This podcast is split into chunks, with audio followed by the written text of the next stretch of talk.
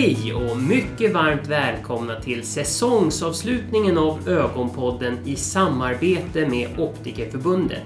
I dagens avsnitt ska vi prata om optikerns roll i framtiden och ni ska få lyssna till mitt samtal med Deray och Micke från Ins Medical samt Håkan Edling från Specsavers Tyresö. Ins Medical lanserade förra året Visonix Eye Refract som marknadsförs som det perfekta instrumentet för ögonhälsopersonal som önskar uppnå en mycket exakt refraktion fyra gånger snabbare jämfört med en traditionell refraktion i foropter. Detta instrument har sagt att revisionera branschen och instrumentet sägs erbjuda snabba, korrekta och tillförlitliga mätningar. Om detta ska Derai och Micke prata mer om, så att nu säger jag välkommen Derai och välkommen Micke till Ögonpodden. Mm, thank you. Tack.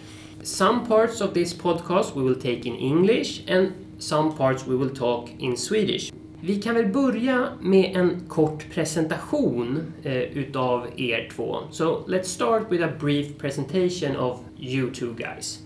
My name is Dirai, uh, Dirai Bansal. I am uh, VD of INS Medical. I started INS Medical in uh, Sweden in 2009 when I moved over to Sweden. My background is that uh, I have done a doctorate and uh, with a specification into the medical robotics and uh, now I use that technology. I, I use that for many, many years in the OCT machine design. I work with many OCT manufacturers. And uh, so my main specific focus is ophthalmology. And uh, from that focus and that knowledge of the machines, I moved over to the idea that any company working in the clinical setting is a is a good idea, and that's the origin of INS Medical. So okay. since then, INS has been expanding and uh, started in Denmark, started in Finland. Now we are looking at other countries. So that is a little presentation. And Micke? Ja, Micke heter jag. Jag är ju då en av medarbetarna till Derai, säljare mot optiker och ögonläkare. Eh, min bakgrund är legitimerad optiker sedan många år tillbaka. Började i början på 80-talet att jobba inom optik. Så ehm, det finns en del erfarenhet Eh, någon utav er kan väl även ge en kort presentation utav företaget Ins Medical? Ins Medical is a, is a growing company. It's still a very young company. Uh, it started since 2009 in Sweden. We, we believe that we have a long way to go. This Ögonpodden with Jonas is probably the right platform to actually put this idea forward, but uh, we have just started a group of companies two or, two or three months ago. That group of companies is going to expand into different areas of life of Opticare and Ergenläkare, including IT solutions, including uh, training solutions, including uh, product solutions. So there will be a lot many products coming out within the next two or three months. Okay. And uh, uh by March, there will be a full expansion into many different areas. So INS Medical is just one part of the entire platform that we are building. Okay. So there will be in many ways we will be interacting with our uh, with all the listeners, uh, okay. not just via one machine or one company, but in many different areas. So I have a plan, so to say, for the next 20 years okay. coming in this area. And uh, we have just started, so we are a very young company, and I'm very thankful to all the people in uh, in Sweden who have been very, very receptive of the idea that there could be a foreigner like me could come over to this country okay. and uh, start a company and people have received me well people have accepted the idea that i still even nine years later still talk in english but uh, i'm i'm sorry never had even a minute to learn swedish okay. been very busy so thank you very much for listening in english to be honest and uh, there will be more to come i'm working very hard to make sure that people will be very happy with ins and everything around it yeah. The group will be called Bansal Group of companies. It's already registered and uh, now it is expanding into many different companies. So we have bought three companies within the past three months. I'll make it all public within the next two, three, four months. Everybody will okay. know what I'm working on. Today, uh, what what most of the listeners in Sweden hear about is INS Medical what they do not know is that I own Bansal Group of companies, which actually employs 75 people. Okay. And we are always looking for good people. And it would be more expansion coming within the next two, three, four months. So we are anybody who would like to come join a company which is going in a totally different direction. Okej. Så, eh, vi kan väl prata lite mer om den här nya maskinen. Eh, hur fungerar Visonix Eye Refract? Gör den en monokulär eller binakulär refraktion? Den gör ju då en, en eh, binokulär refraktion. Men varje öga eh, mäts ju separat, så att säga, i en monokulär situation, men i en binokulär miljö. Vilket gör den då helt unik, till exempel till skillnad från en autorefraktor, som är ju 100% endast en monokulär situation. Och därför är det svårt att få en binokulär avstämning överhuvudtaget. Mm. Så det, är- det är en av de unika punkterna på iRefracten. Okej. Vilka fördelar ser ni med Vision Eye Refract? Eh, fördelen det skulle jag vilja säga är tre saker. Dels är det då snabbheten. Att den ger en, en eh, ungefär en minut för en full refraktion.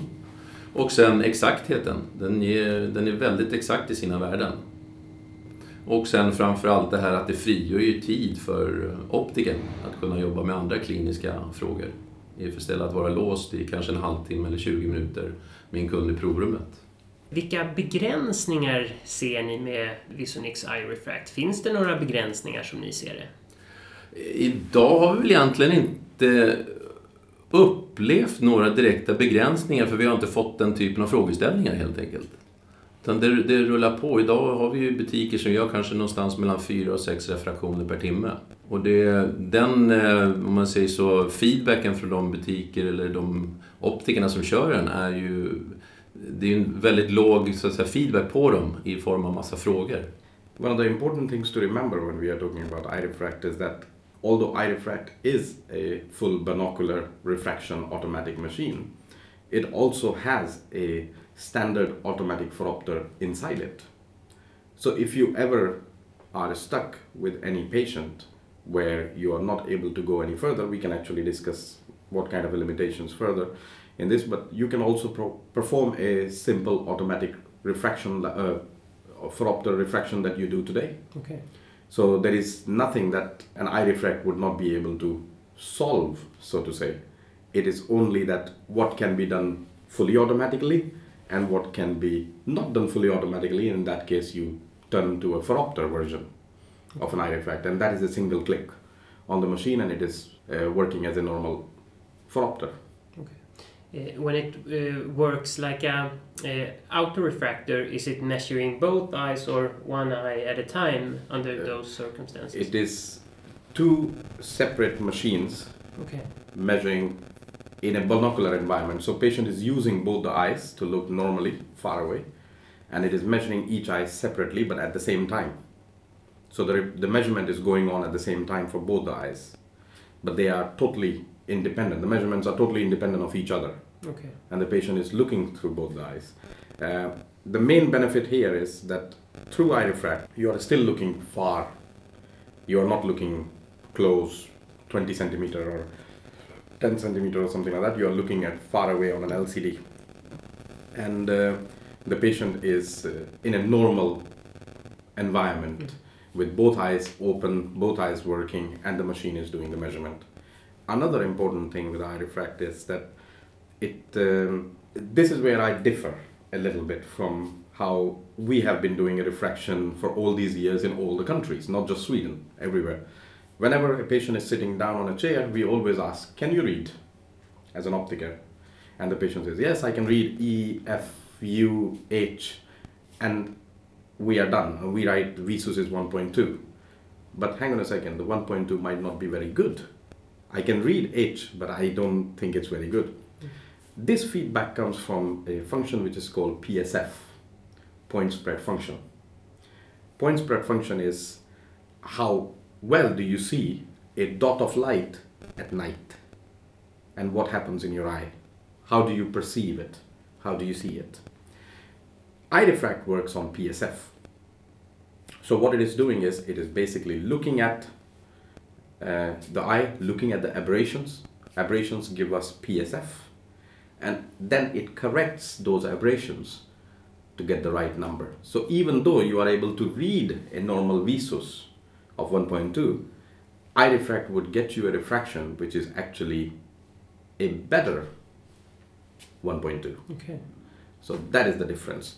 If we were to actually perform all the refractions using PSF, our results will be much, much better. And that is the combination of PSF and Shark-Hartman technology that is within the iRefract. That is why it is a little more accurate, if I could say, on a, on a good eye.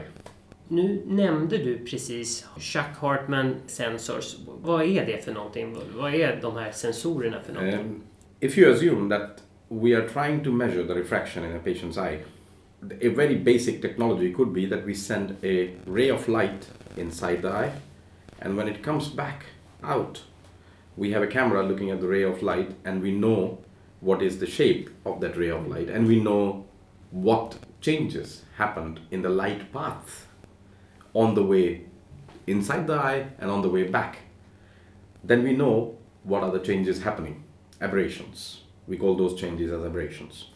A Shark Hartman is actually the same technology, but using thousands of dots of lights in an array.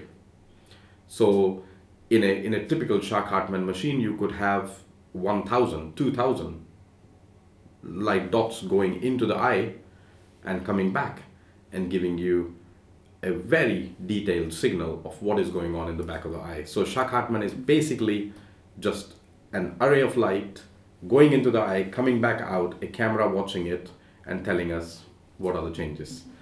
Benefit with iRefract is that it has a separate full Shark Hartman technology running in right eye, separate full Shark Hartman technology running in left eye, both operational at the same time, combining the Shark Hartman and PSF, point spread function, together to get the correction while the patient is looking binocular far away.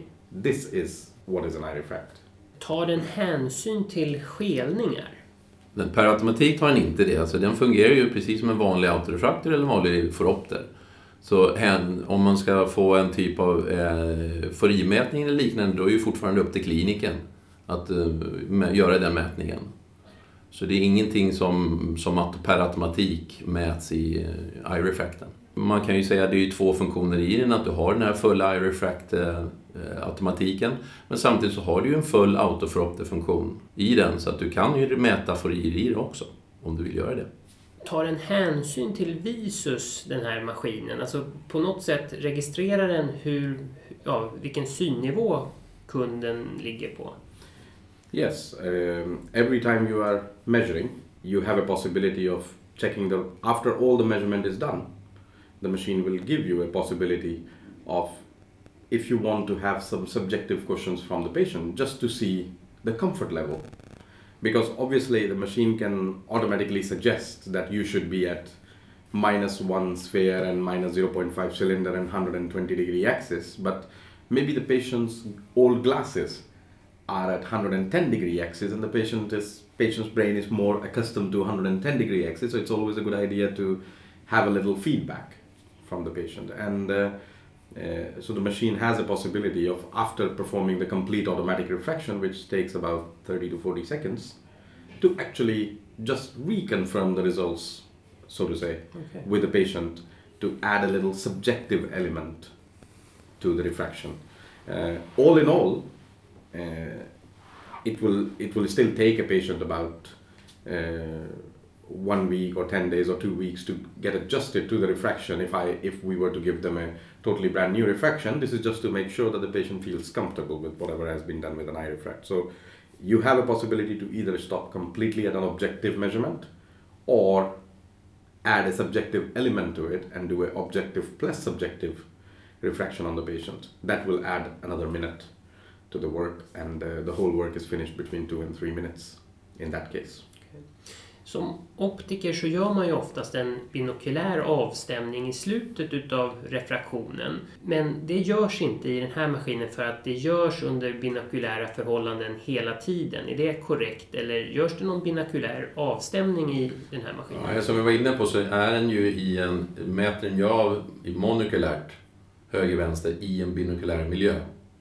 Så det blir ju kan man säga per, per automatik en binokulär avstämning. Och det är ju med att du sen också bekräftar om du har en, en viss korrektion och du sen bekräftar att ja, men han ser 1,2 eller 1,3 eller 1,4. Då vet ju maskinen i sig att ja, men då behöver jag inte ändra någonting i själva refraktionen. Märker man däremot att du har en binokulär visor som, är, kanske inte, som inte uppfyller det man önskar, ja då börjar den ju att laborera lite grann och se. Okay. Jag tror ju att i framtiden så kommer många yrken att tas över utav maskiner eller robotar. Kommer detta instrument göra oss optiker arbetslösa? Vad, vad tror ni? A similar kind of a, a question arose in 1990s when the computers came. Are the computers going to make us all jobless? Uh, in return, what has happened is that more people are working because of the computers mm. and working more effectively. Now, if we were to ask, would you rather work without the computer or with computer, there is no questions. Exactly the same thing happened with the, whenever technology comes in with something new, there would always be a little doubt. We are designed to be skeptical as human beings. We are designed to be scared.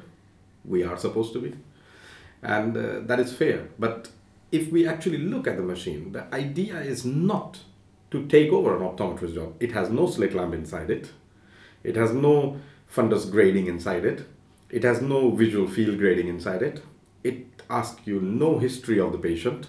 It knows nothing about uh, what is going to happen when the patient has dry eyes, contact lens issues, hard contact lens, keratoconus. It does no clinical work, if I can say.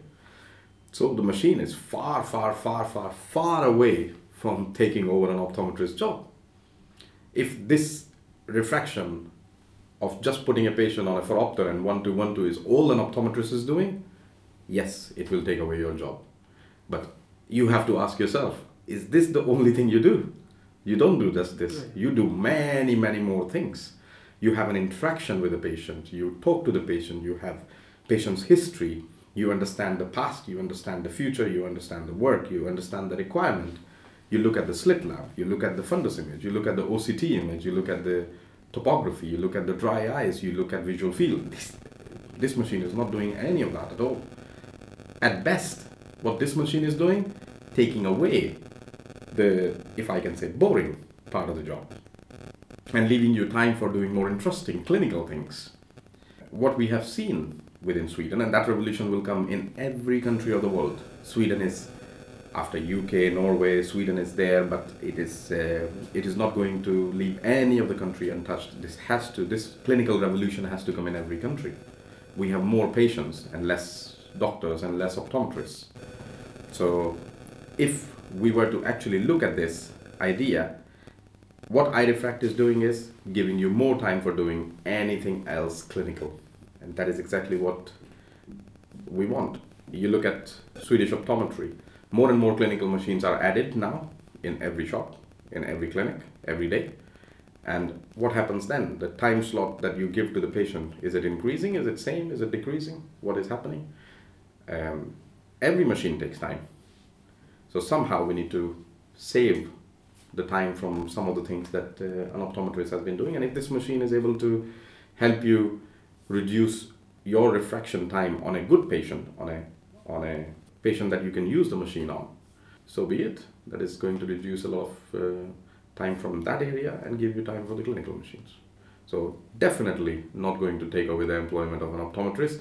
If at all, it's going to increase the possibilities, uh, which is very good for the profession. Vad är feedbacken från kunderna då som har testat den här maskinen? Vad, vad har ni fått för feedback från kunderna? Feedbacken har ju varit överväldigande positiv. Eh, I den, på det måttet att de upplever det som att det är mer distinkta resultat. Man upplever inte som en, en osäkerhetskänsla själv. Har jag svarat rätt? Har jag svarat fel? Med tanke på hela frågeställningen är ju väldigt mycket att man går och, när man ställer en fråga, om du gör en korscylinder eller liknande, att det är väldigt vanligt att man ställer en fråga där man upplever som att det måste vara något som är bättre. Och det, det upplever jag väldigt ofta själv som optiker när man lyssnar på frågeställningar. att man man eh, söker ett svar som ska vara rätt eller fel. för ställe. Jag menar, har du en vanlig korslinje så vill man ju hitta ett läge där det är lika.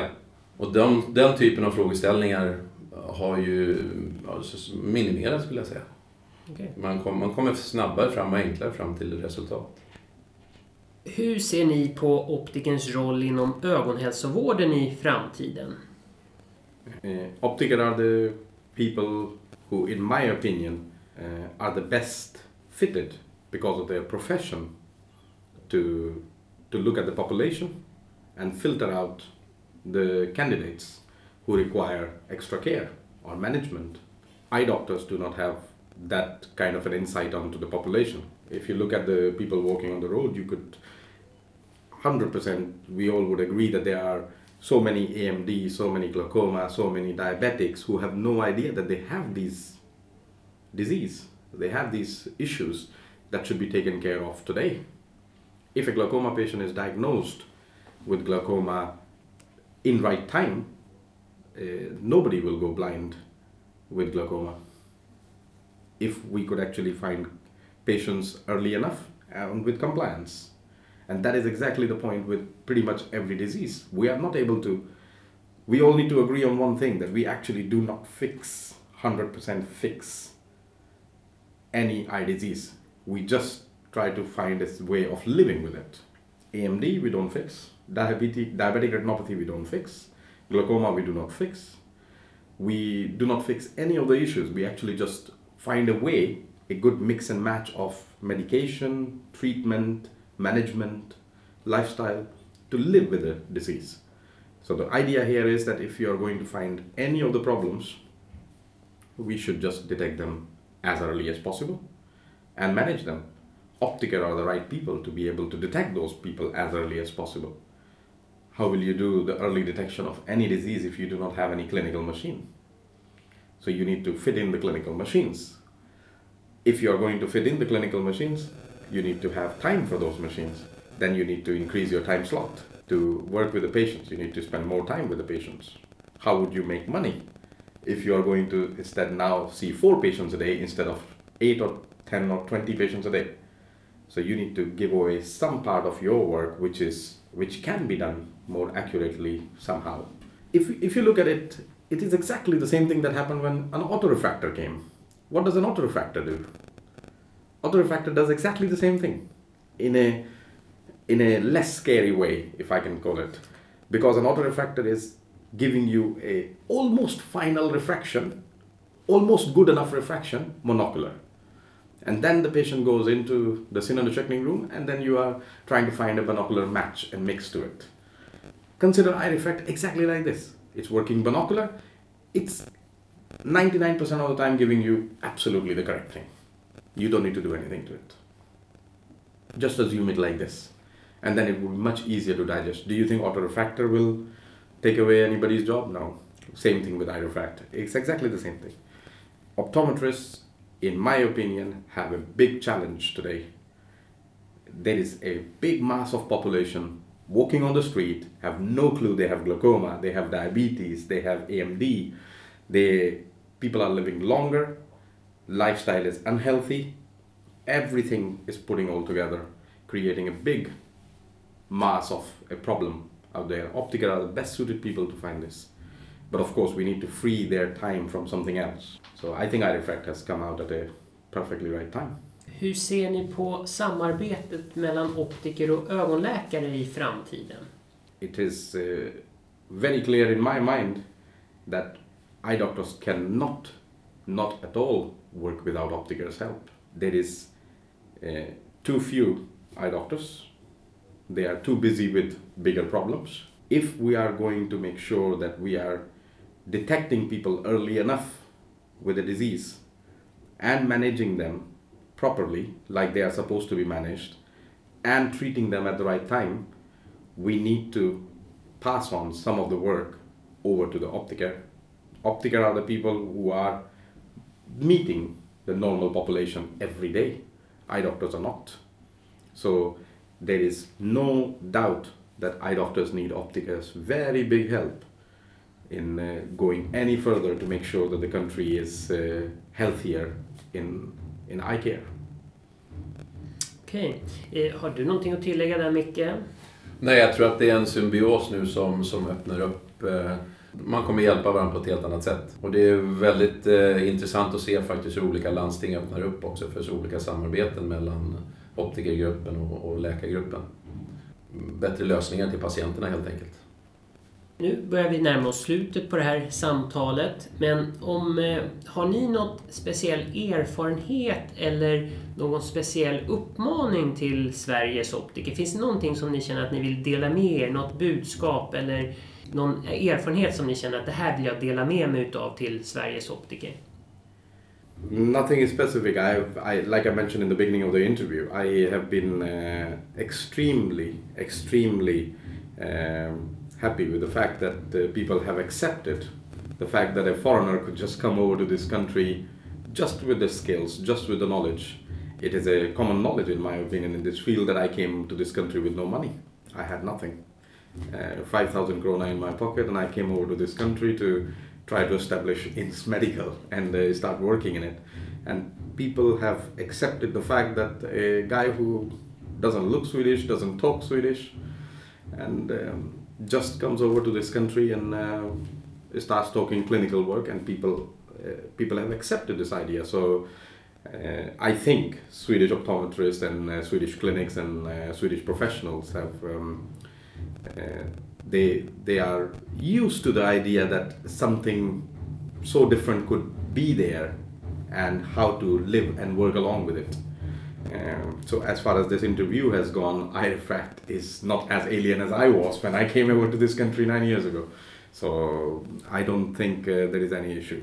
Many many uh, times uh, I have uh, I have met many different people in these nine or ten years, and uh, I must say that uh, it has always been a, an amazing experience. Learned a lot and uh, grown a lot. So thanks to all the Swedish optometrists for accepting me and INS Medical. Eh, Ja, nu är det någon som bankar här i bakgrunden så att jag hoppas inte det stör lyssnarna för mycket. Eh, Det är då byggarbete här utanför. Om ni fick använda den här eh, Visionix Refract på en känd person, levande eller död, vem skulle ni vilja använda den här maskinen på? Ja, eftersom jag är ju enormt hockeyintresserad gillar och mycket att se på hockey och sen så skulle man ju gärna ta en halvtimme med legendaren Wayne Gretzky. I would, uh, a very interesting question. I would actually like to do that on my granddad. I remember that uh, when he died, uh, people told me that he had something to do with the eyes, some disease of the eyes. But in India those days, 40 years ago, there was no machine, so nobody could find what disease he had with the eyes. So just before he died, for seven or eight years, he couldn't see very well. So I would like to use the machines on him just to find out what was wrong. Är det någonting som ni känner att det här vill jag säga också, det här vill jag lyfta fram innan vi avslutar?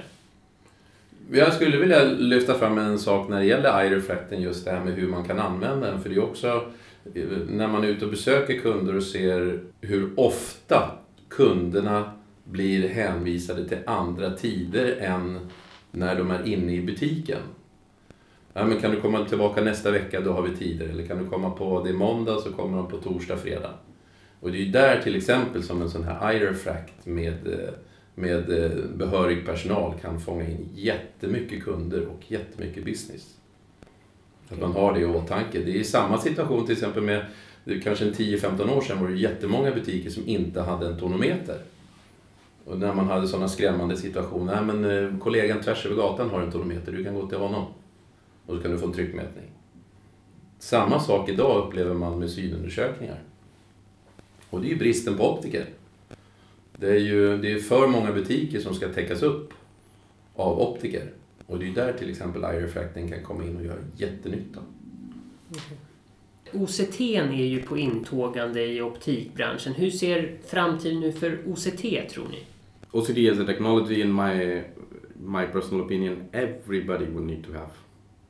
Every optical would need to have it. If you have worked with, um, imagine your days uh, 20 years ago. All the optical shop in Sweden can imagine that day, that they had no fundus camera, no OCT, no tonometer, uh, no, no visual field. Now, some of the shops have a fundus camera, some of the shops have an OCT, some of the shops have visual field, some of the shops have a combination of this. Can they imagine working without it? No. In my opinion, no chance. Same thing that applies to the OCT. OCT is the future or present, you you must you will need it. You must have it. If you don't have the time or the money or the idea, knowledge of this today, yeah, it is not going to be very long before you would need to have it. So it is coming, believe it or not. It is here. So OCT would need to be there. And again, it would need more time. So you need to free up some time from somewhere else. So it is a it is a part of the whole puzzle we need to solve. So not just that more clinical machines come in, they take more time. They take more time, you need to spend more time with the patient. So you need to how will you earn money? To reduce the time somewhere else, then you need reduce it with some other machine. So a lot of different solutions are going to come out in the market. In the field of artificial intelligence, I can tell you that INS itself, Bansal Group itself, is working in the field of artificial intelligence for the past eight months. We've started working in artificial intelligence in this area. So a lot of products relating to artificial intelligence are going to come out from INS and Bansal Group within the next few months. So we realize that this is an area we must go into. We must um, venture out into the area of how we can make some part of the job automatic, some part of the job more intelligent. I give you a very simple example, just a bottom line example washing the dishes. A very simple thing.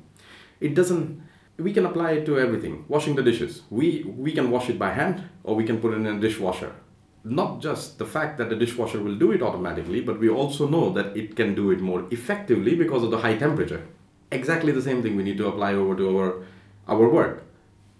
Okay, you can you can do the refraction on the patient. So why are you not using the uh, trial frame and trial lenses you used 25 years ago? You changed from that to manual phoropter. You changed from that to automatic phoropter you change from that to having an autorefractor in the beginning. So things are changing. Things are making a progress. People adapt to the technology just to make life easier.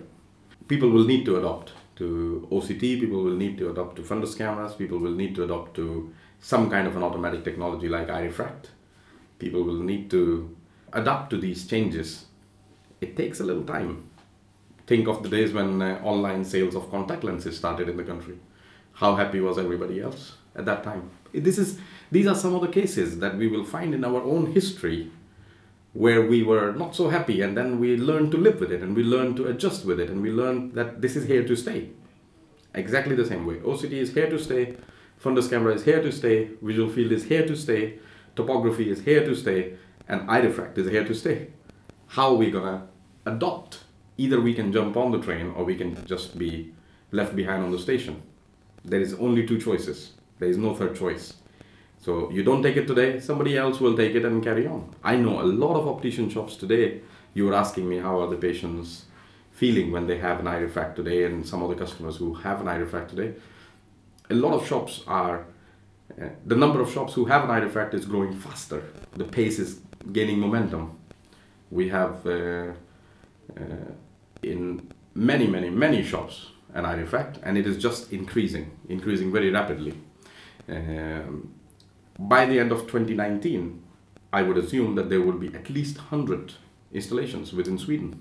Within 2018, which was the first year, you can always understand that people have to look at it, people have to understand whether it fits, whether it not fits, how will I use it, who will get the training, what are the problems, who cannot use it, which patient cannot not use it on, what is the re- reaction from the patient, how much time does it take, what can go wrong with the machine. We as a supplier learn, and you as a user learn.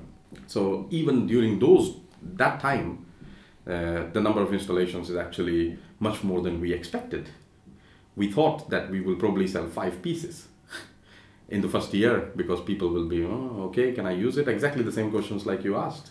Not just not generally your opinion, but in general mass opinion that. Uh, is it going to take our job away? Is it, does it work? Which patient can I use it on? Which patient can I not use it on? All of those kind of things. If we just forget that, move forward. We launched it in February. We are sitting in November, end of November, December. Uh, we have now over 25, 30 installations already within the country, and it is growing fast. We are delivering, if we were delivering one a month before, we are delivering five a month now. And it is planned up for many big rollouts. Clinics are using it, optician shop is using it, different setups. People have learned to use it in different setups. Somewhere an optical assistant is using it just like an autorefractor replacement. Somewhere an optical is using it just as a full replacement for the phoropter. Somewhere an optical is using it as a they have a eye refract and then they have the proof glass load approved program. They are using that. Different combinations. And in all the combinations, the feedback is that it saves a lot of time and uh, frees up time for other clinical things. That was exactly the aim of an eye refract. Jättebra. Nej, men då tackar jag så jättemycket för att ni tog er tid att gästa Ögonpodden. Tack så Thank you mycket. very much. Thank you Jonas. Thank you for having us. Inga som helst problem. Så, nu ska vi byta gäst här i Ögonpodden. Så att nu säger jag tack igen till Micke och Diray från Ins Medical och så välkomnar vi istället Håkan. Håkan är en optikerkollega till mig som är legitimerad optiker men utan kontaktlinsbehörighet. Håkan Edling jobbar som optiker på Specsavers Tyresö. Så att nu säger jag hej och välkommen Håkan till Ögonpodden. Tack så mycket. Vi kan väl börja med Håkan, att du bara ger en kort presentation utav dig själv och berätta bland annat när du blev färdig optiker. Kan du göra det? Jag blev färdig utbildad optiker, grundutbildningen 1988. Och eh, sen så jobbade jag två år så tog jag legitimationskursen 1990. Då sitter jag och gör synundersökningar hela dagarna. I Tyresö. Specsavers i Tyresö. Okej. Är det din butik eller är det att du är anställd där? Jag är anställd. Din respektive, hon jobbar där också? Hon, eller? hon äger butiken. Okej, okej, så att hon äger och du är anställd? Ja, precis. Vi, vi tar den här frågan på en gång. Du, du har inte läst kontaktlinsbehörigheten. Nej. Varför har du valt att inte läsa in kontaktlinsbehörigheten? Det var ju så på den tiden att eh, dels så har jag jobbat på ställen där man har haft separata linsavdelningar och, eh, och eh, synundersökningsavdelning och linsavdelning för sig. Och man hade inte haft möjlighet att jobba med linser. Även om man hade gått utbildning så hade jag inte kunnat kommit in och jobba med linsen. Och då kände jag att skaffa utbildning och sen göra någonting som jag kanske inte har möjlighet att jobba med. Plus att jag har varit mycket mer intresserad utav det här med verkstadsbiten och, och jobba med kunder i butik och, och göra synundersökningar. Linserna har inte jag legat någon, något intresse alls egentligen att jobba med. Det har ju oftast har ju suttit en liten lins. Ja, men han, du får gå och prata med linsoptikern. De har varit i någon liten lokal bredvid eller ovan trappan. Och var Rastedal, Sankt Eriksplan satt en kille och fick man gå ut i trappan en trappa. Där satt han och jobbade med linser medan de hade glasögon nere i, i butiken. Ja, hur ser du på den utvecklingen där som yrket tar nu? Att det här med verkstadsbiten som du tycker är rolig, hur, hur ser du att den är på väg nästan att försvinna ur branschen? Jag personligen tycker att det är väldigt tråkigt. För att det är ju ändå en service man kan ge. Man kan göra mycket verkstad eller ja, vad du nu gör, lödningar, reparationer. Vilket, vilket kanske inte är ekonomiskt hållbart i längden egentligen men ändå en service i sig. Jag, jag tycker att det är tråkigt för det är mycket av det jag har ju vurmat för genom åren och jobbar mycket med också. Mm. Men hur känns det då, då när du inte har den möjligheten? Nu kan du inte löda även om du kan den. Nej, men å andra sidan så är jag så pass upptagen ändå under dagarna så jag hinner nog inte tänka så mycket på det. Om man säger. Nu sitter jag och gör synundersökningar hela dagarna istället och det funkar ju också. Så att man får ju anpassa sig lite grann där själv tycker jag. Saknar jag, jag saknar det lite grann idag. Samtidigt så ekonomiskt sett så är det kanske inte försvarbart att man faktiskt sitter och gör cellagningar och gör sådana här saker som, som i och för sig är kul men Mm. ta 300 kronor för någonting som, ja, där man har lagt ner mycket, mycket mer tid än vad det ger pengar. Då, det ligger mer på en servicebasis i så fall. Mm. Ja, på Specsavers där, där finns det väl inte någon verkstad utan där är ju allt... Det är eller- ju upp till oss själva om man skulle vilja göra men tanken är ju inte det att vi, att vi ska göra det. Utan visst finns det en verkstadsdel där man kan göra små omslipningar och sådana här saker men självklart inga inslipningar eller någonting sånt. Men att Och tyvärr ingen lödmaskin jag heller. Men Nej, okej, nej. Eh, Kan du berätta lite hur det funkar på Specsavers? Att, Eh, vart, vart kommer glasen ifrån till exempel? Vart sker inslipet någonstans? allting sker ju i England, i Jones. Och det, där finns ju ett, både bågar och, och i sliperi och i inslipning ligger ju på ett och samma ställe. Och, eh, och de servar ju hela världen, alla Specsavers butiker. Beställningen skickas in via dator och sen två timmar senare så körs det igång och då börjar de att- att tillverka glasögonen där. Och leveranstiden någonstans mellan två, tre dagar upp till två veckor ungefär brukar det ta. Färdigt, klappat och klart. Vilket är väldigt smidigt och lätt att jobba med. Mm, ja, men det, Mm. låter ju enkelt. Och, eh, det, hela branschen går väl mer åt det hållet att, att, eh, att glasen slipas in på ett annat ställe och så Mm. skickas det. Eh, Ja, eller att de slipas, bara själva glasen formen, sen monteras de på plats när de kommer till butiken. är också ganska vanligt. okej. Eh, Är det så på Specsavers också? det där är färdigt slipat, Okej. allting, allting är klart. Mm. Hur, hur ser du på optikerns roll i framtiden? Hur tror du att det här yrket kommer utvecklas framöver? Det är svårt att säga. Jag tror ju fortfarande att många kunder, patienter där ute ändå vill ha den här gamla optiken som, ja, inte att det sitter kanske bara som i ett rum, ett kliniskt rum och sen, sen eh, utan att man får hjälp av optiken hela vägen till exempel. Många kommer att vilja att det är så flera år framåt. Sen hur det framtiden ser ut så det är svårt att säga om egentligen. Tycker jag. Ja, självklart. Det finns ingen som kan sia om framtiden. Absolut, så är det. Ja, Vi sitter ju bara här och spekulerar egentligen. Nu har det ju kommit maskiner som kan göra en exakt refraktion på några minu- minuter. Eh, hur tror du att eh, de här maskinerna kommer påverka optikeryrket? Jag tror ju fortfarande att det kommer krävas en personlig en människa att prata med, inte bara en maskin. Jag menar maskinerna, våra autorefraktorer idag är ju så pass exakta så de finns ju redan egentligen. Men möjligtvis att eh, ungdomar om några år tycker att det här är helt okej för ja, allting sker med maskiner och allting och att man kan tycka att det är acceptabelt att låta en maskin göra det hela. Men samtidigt så kanske man vill ha lite vägledning utav en, en människa ändå på vägen. Så jag tror inte att det kommer att slå så, så hårt med den där. Eh, nej, jag, jag tror ju att... Jag, jag, när jag jobbade inom refraktiv kirurgi då tänkte jag nästan att ja, i framtiden så kommer det nog vara så att man går in som ungefär i ett fotoautomat. Eh, och så bara ställer man in sina värden där och så tittar man in mot en kamera och så bränner en maskin till lite på hornhinnan. Så om det blir så med laser i framtiden, ja, då tror jag att man kommer kunna göra någonting liknande med glasögon i framtiden också. Men som sagt, får tiden utvisa. Men den här utvecklingen då som eh, vi ser på hur yrket tar nu, tycker du att, det är, tycker du att yrket tar en positiv väg? Tycker du att vi går åt rätt håll när det blir eh, ja, den här mer kliniska inriktningen som vi får allt mer? Eller tycker du att det är negativt för optikeryrket, den utvecklingen som vi har nu?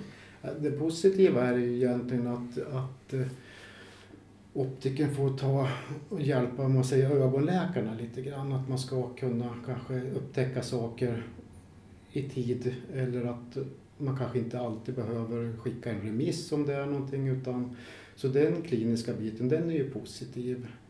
Eh, sen tror jag ändå att kunder där ute, de vill nog ha en mer personlig relation till optiken och kanske ja, gå hela vägen som jag sa tidigare. Där, att blir mer på personliga i planet. Risken är om det blir bara kliniskt att man tappar den biten lite grann.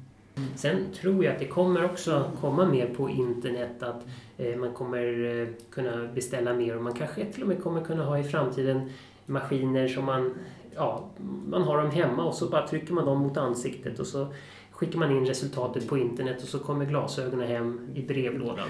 Mycket möjligt. Mm. Så att, eh, ja, jag, jag tror att det kommer flera olika alternativ hur man fixar glasögon i framtiden. Och eh, sen tror jag också att det kommer finnas optiker som specialiserar sig på, inte alls vill ha någon klinisk inriktning utan de kanske fokuserar på modebiten istället. Så att det kommer nog finnas, eh, det kommer nog bli så att det blir mer nischat, att vissa får en klinisk inriktning, vissa kanske satsar mer på verkstadsbiten, vissa satsar mer på modet. Mm. Så att det kommer nog dela upp sig. Och yrket är så brett ändå så att kommer finnas förgreningar i de här bitarna. Eh, hur ser du på framtiden gällande samarbete mellan optiker och ögonläkare? Hur tror du den biten kommer att se ut i framtiden? Jag hoppas lite grann där kanske att man skulle få Egentligen som det var förr i tiden, då hade många en, en, en ögonläkare som kom till butiken en gång i veckan eller varje månad eh, och kollade av kunder. På den tiden var det så att man måste, när man hade ta, gjort, eh, provat ut kontaktlinser, då måste alltid en ögonläkare också kolla av att det var okej allting. Men att man kunde ha en, en ögonläkare i butiken och som kanske kom en gång i veckan där man kunde få in ja, sina kunder, patienter lite snabbare än att man skickar en remiss och så tar det två månader för att få en bedömning hos en ögonläkare. Man skulle kunna korta av lite grann väntetiderna. Nu är det ju väldigt bra här i Stockholm vad det gäller ögonläkare för du kan ju få en tid imorgon eller om en vecka hos en ögonläkare utan problem. Samarbetet här tycker jag är väldigt bra och eh, får alltid rediga remissvar och allting. Men sen självklart lite mera kanske över internet eller bedöma ögonbottensbilder och sådana här saker. Att det lite smidigare hantering däremellan. Var, var, det, var det här vanligt menade du att Mm. det förekom det på många ställen? Det där? har det gjort. Så att det, det där. Okej. Eh, De som hade, lins, hade man gjort en linsupprovning så skulle en ögonläkare kolla ögon och allting för att få fortsätta. Nu pratar vi 80-tal. Eh, Och då hade man ju oftast en ögonläkare som kom till arbetsplatsen så gjorde han alla de här ja, det var inga långa undersökningar, det var 10 minuters kontroller så kanske som de gjorde och, eh, och fick godkänna då att man kunde fortsätta med kontaktlinser. okej. Eh, Eller så fick man då ta kontakt med ögonläkare. Ja, där de, för att, ja, de, skulle, de skulle kolla av att det var okej att ha kontaktlinser. Och där jag jobbade då på ögat inne i stan, där kom ögonläkaren dit, för de hade ju alltså fyra, ibland åtta nytillpassningar varje dag. Och då tog de med dit en läkare som satt i ett rum och betade av och godkände att de här får fortsätta. Sen tog sig det där bort kravet att de skulle besöka ögonläkaren, men det måste ju vara någon gång på 90-talet att de att de tog bort det kravet. Okej. Ja, nej, men jag hör ju ibland kontaktlinskunder som säger det. Att jag, jag frågar, har du varit i kontakt med ögonläkare någon Ja. gång? Ja, jo, men det var jag ju på Ja, 80-talet. precis för då, då skulle man ju träffa en läkare Mm. När man eh, hade linser. Ja. Och då har jag alltid trott att när jag har hört det att ja men okej, då, då tillpassar man kontaktlinserna på ögonkliniken. Då. Ja, okej. Men, eh, men då, då är det vanligare att, Ja. att läkaren kom till Ja, optikerbutiken. precis. Ja. Och de, åtminstone om det var så en stor butik. Att de hade så mycket linser. För jag menar, hade det bara två... Det var inte så mycket linser. Det var ju vissa butiker som körde linser. Okej. Som ögat jag började på då, de var i, det var en linsindustri där alltså. De satt och gjorde nytillpassningar även på kvällarna efter att de hade stängt. Och det var inte så många som hade linsbehörighet, linsbehörigheten då 88 alltså. Mm. Det var ju några här i stan. Och det vet jag att den butiken jag jobbade, det kom ju folk utifrån landet och kom dit och fick, gjorde nytillpassningar. För det fanns inte linsoptiker överallt i hela Sverige heller. Okej. Kanske fanns en linsoptiker i en liten stad. Liksom. Sen, och nu är ju alla där då. Ja, det var ju före min Mm, tid det var innan jag var aktiv i det här Ja, yrket. ja.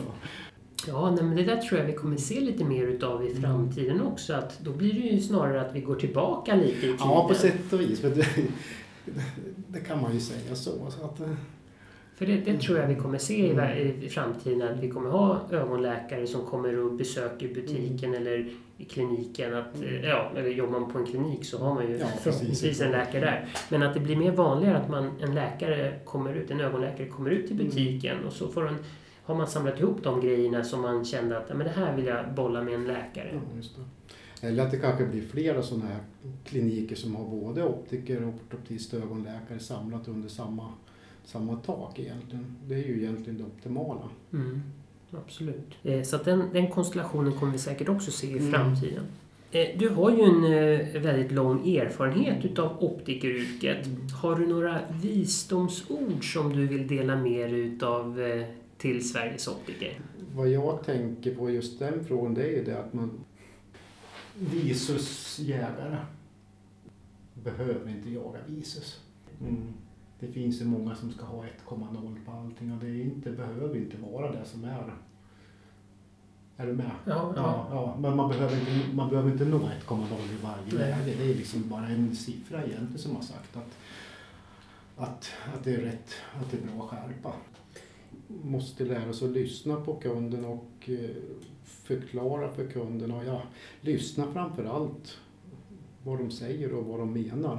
Prata med kunden så att de förstår. Inte slänga sig med massa latinska ord och sådana här saker. För det är liksom, ja, prata med kunden så att de förstår. Det är det viktigaste tycker jag. Ja, nej, men det hade jag ju faktiskt en, en dam som när jag gjorde ett avsnitt om en, en kataraktpatient.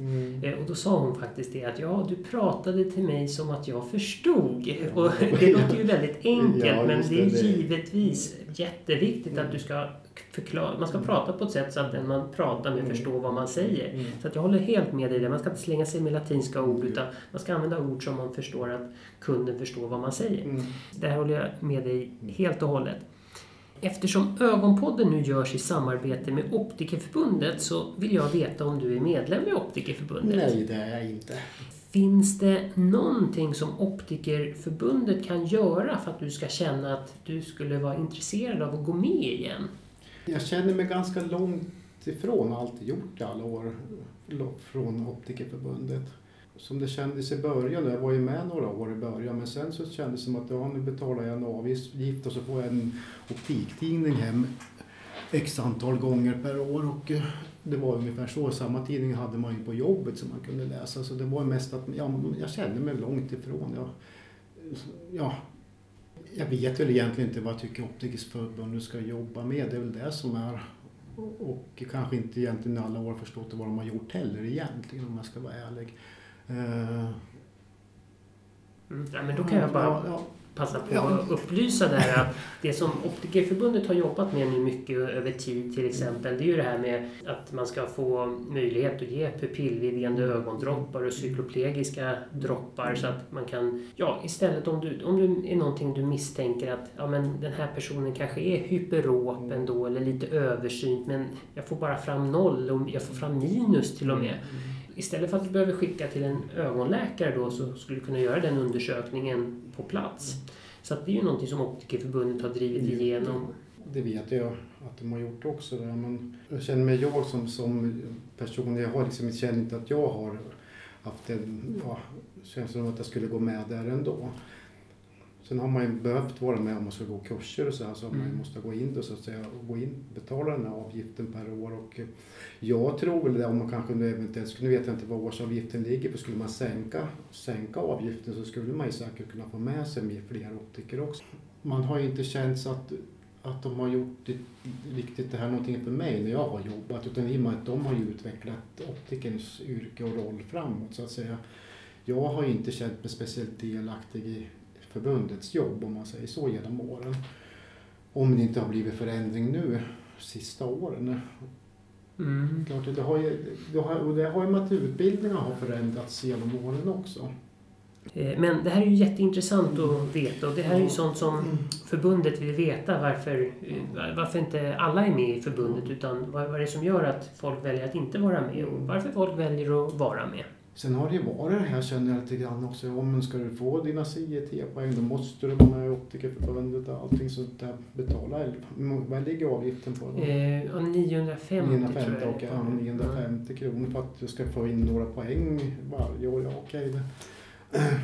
Men då känner jag, hade det legat lägre pris så hade man kanske kunnat betala det bara för att ja, jag ska vara med där Mm. ändå. Förstår du hur jag tänker? Ja, absolut. Och alla kan inte åka på optometridagarna. Nej, någon måste ju vara kvar och jobba Ja, det finns. Ja. Eh, men eh, nu, nu går du inte på optometridagarna? Nej, nu har, men nu har jag gått på Clinical Conference Nej. ja, på Specsavers-stegen. Och, och, och det kan jag tänka mig också många Ja, ta inom synsam eller, eller synoptik att de ordnar ju sina egna konferenser och utbildningar och då behöver de ju inte vara med i Optikerförbundet om de inte vill ha CET-poängen då i Nej. och för sig. För att, Det syns ju ingenstans att jag har gått en massa kurser till exempel Nej. eftersom jag inte har registrerat dem. Sen vet jag inte om det går att lägga in dem i efterhand heller om man, har, om man går med. Det tror jag däremot att det går att göra. Ja, då ska de ju hittas någonstans också. Mm. Men däremot har jag känt i och med att kedjorna ordnar ju sina egna utbildningar och egna kurser och då tar man ju dem istället. Och att de är betalda. Mm. Ja, men Specsavers kliniska konferens, där, Mm. den, den har jag ju faktiskt haft med i podden. Ja. Så att eh, den, eh, den har jag den faktiskt... okej tycker du? Ja, den har jag gjort reklam om i podden Ja, okej. två, Mm. vid två tillfällen. Mm. Och ja, jag tycker det Specsavers gör helt rätt eh, grej där när de bjuder in hela branschen. Precis, och det är faktiskt trevligt att göra det Mm. också. Mm. Mm, ja, men, eh, jag har väldigt goda erfarenheter Ja. utav eh, Specsavers kliniska konferens. Mm. Mm. Och Jag ska berätta en sak för dig Mm. Jonas. När jag gick grundutbildningen 1988 gick jag ut. Då hade jag två kollegor då. Som båda var inne på att nej, men vi måste försöka ta oss in i, i, optik, i optikbranschen. Och försöka bli av med de gamla gubbarna som sitter där och styr och allting. Och nu prat- pratar vi alltså 30 år sedan. Okej, okej. Okej, ja men då är det på tiden då. Ja, det är det, ja. Ja, Ja. men sådär liksom. För de tyckte jag, det var det ändå. Då var ju de unga som är här, nu, höll jag på att Mm. säga. Jag tänker Fredrik är också en lite yngre människa som faktiskt, ja, tänker jag, bara positivt att det kom in lite yngre människor. Men de var väl ändå äldre då, 88 de gubbarna som satt här då. Mm. Men man kanske får ut mer idag än man har fått tidigare ändå. Eller? Mm, ja, jag tycker Ja, men, för jag menar, nu har ju utbildningen till slut gått framåt. Och det har ju hänt saker, precis som du sa det här med att droppa ögon. Vad hände för 30 år sedan? Utbildningen såg ju lika, i och för sig kom du in till slut på och gå in på Karolinska och så här men att förbundet, jag menar de man har känt av också och det är därför jag känner att jag har ju varit så långt ifrån förbundet. Jag har liksom inte ja, varför ska jag betala pengar dit? Jag vet liksom inte ens. Ja. Jag får inte tillbaka någonting Mm. av det själv mer än en tidning i lådan så har det känts ungefär. Så Men i tidningen där, där finns ju Optikmannen. Den läser jag varje men tidningen får vi till jobbet. Så jag behöver inte ha, jo vi får en hemma också. En Okej. hemma och en på jobbet. Ja, nej, men eh, Men tidningen var bättre förr. alltså, vad var det, vad inne, vad var det som Nej men nu är det igen, då? med, där kommer jag knappt, men bara just känslan av att nu sitter man, det är så mycket annonser och grejer nu. Mm. Det är ju som modemagasinen. Det är fyra artiklar, sen är det bara reklam. Det är, ja men klart, det är ju finansieringen men jag kommer inte ihåg tidningen var men man längtar ju efter optiktidningen när den kom alltså på 90-talet och så här. Så att, eh, Ja, jo, men så ska det ju vara nu också Ja. egentligen. Att det ska ju Jo, vara det är, intressant. det är kul när den kommer då. Man sitter och tittar. Men så först tittar man om det man känner igen. Och sen läser man dödsannonsen. Är man inte med själv, vet då, då kan man fortsätta jobba sen. Ja. Ja. Nej, så att... Nej, men det är ju fortfarande så. Man tycker att det är lite spännande. Men sen är det ju liksom... eh, Nej, jag vet inte. Man, Mm. man blir väl gammal själv på något sätt. Man kanske inte tar till sig det som är modernt och nytt. Det kan ju tänkas att de yngre människorna tycker att optiktidningen är jättebra idag. Mm. Men nej, jag, hade, inte- jag hade inte läst tidningen om jag inte hade fått mannen, supermannen där. Så Nej, det är jag, bra. jag, jag skitit i det. Om du fick göra en synundersökning på en känd person, levande eller död, vem skulle det vara då? Jag skulle inte vilja göra en synundersökning på en död människa, säger jag, men det, jag tror inte det skulle funka så bra. Eller hur? Nej, jag har faktiskt inte en aning vilken jag skulle vilja göra en undersökning på. Kan inte svara på den Nej, frågan. då lämnar vi den. Nej men eh, då Håkan säger jag tack så mycket för att du tog dig tid att vara med i Ögonpodden. Självklart, jag fick ju ledigt från jobbet dessutom. Så Ja, ja precis. Ja, det tackar man inte nej till. hoppas du får ut någonting utav en gammal gubbe i alla fall. Så att, Det tror jag definitivt. Ja, men som sagt, jag tyckte det var jätteintressant att höra dina tankar om saker och ting här. Och så tack till alla lyssnare för att ni lyssnar och tack till Bright Optical Solutions och Optikerförbundet som hjälper till i skapandet av Ögonpodden. Och kom ihåg att ni kan följa Ögonpodden på Instagram under namnet Ogonpodden med O. Det går alldeles utmärkt att kommunicera med mig via Instagram. Men det går även att mejla till mig om ni har förslag på ämnen eller gäster som ni vill lyssna på i Ögonpodden. Och glöm inte bort att lägga in optometridagarna 2019 i kalendern. De aktuella dagarna är som tidigare sagt 16 till 17 mars 2019. Om ni registrerar innan 13 januari 2019 får ni ett rabatterat pris och som medlem i Optikerförbundet erbjuds du ett ännu lägre pris. För att ta del av medlemspris så loggar du in på hemsidans intranät innan anmälan. Så varför inte passa på att bli medlem innan du anmäler dig? Anmälan och mer information finns på Optikerförbundets hemsida. Sist men inte minst, tack alla ni lyssnare som har följt Ögonpodden under mer än 30 avsnitt. Och slutligen önskar jag er alla en god jul och gott nytt år, så hoppas jag att vi hörs även nästa år.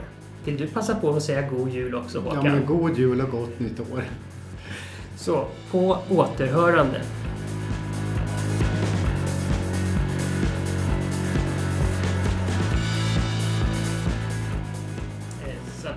Nu spelar jag in här till exempel, så det här kommer jag klippa bort. Ja, nu blir det himla bra att du gör det tycker jag också. Ibland så tar jag ju med lite bloopers. Att, att eh, ja, vi kanske säger något lustigt under pratet så här, och så klipper jag in det. Ja, vi, vi kör igång här tycker jag. Så, nu ska vi byta gäst här i Ögonpodden. Så att nu säger jag tack igen till Micke och Diraj från Ins Medical och så välkomnar vi istället Håkan. Tack så mycket. Hå... vänta, vänta Håkan. Eh, Håkan är en optikerkollega till mig som är legitimerad optiker men utan kontaktlinsstörning.